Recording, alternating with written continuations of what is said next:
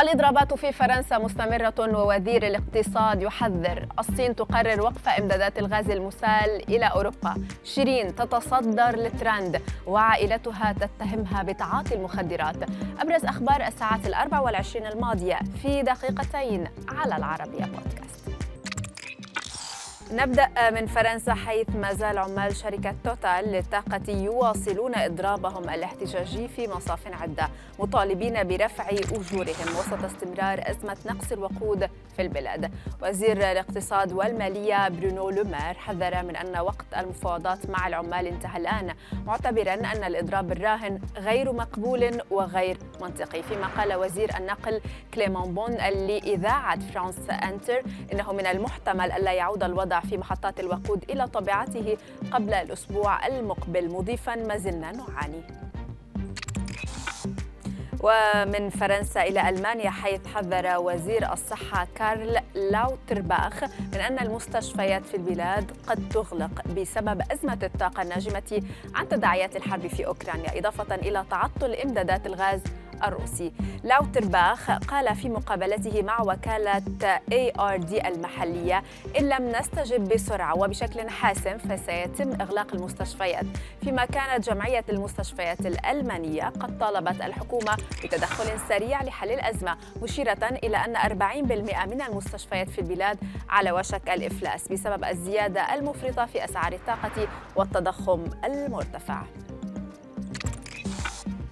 وفي ظل أزمة الطاقة التي تعاني منها القارة العجوز أفادت وكالة بلومبرغ بأن السلطات الصينية طلبت من كبرى الشركات المملوكة للدولة التوقف عن إعادة بيع الغاز الطبيعي المسال للمشترين في أوروبا. ودول آسيوية أخرى لضمان موسم التدفئة في الشتاء.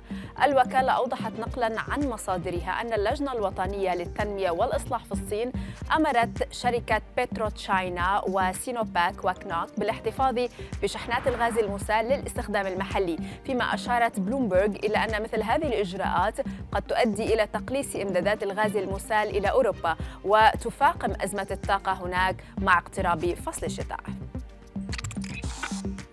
إلى مصر هذه المرة حيث لا زالت الفنانة شيرين عبد الوهاب تتصدر للترند في السوشيال ميديا خصوصا بعد كشف شقيقها محمد مفاجآت اعتبرها الكثيرون صادمة. زاعما أن شقيقته تتعاطى المخدرات بصحبة حسام حبيب.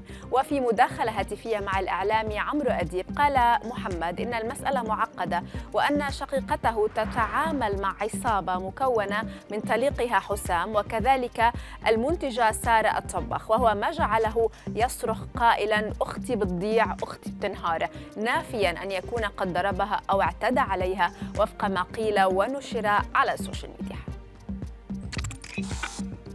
وفي خبرنا الأخير كشف المنتدى الدولي لنفايات المعدات الكهربائية والإلكترونية أن 5.3 مليار هاتف ذكي سيكون مصيرها مكبات النفايات خلال العام الحالي مشيرة إلى أن هناك 16 مليار هاتف في أنحاء العالم.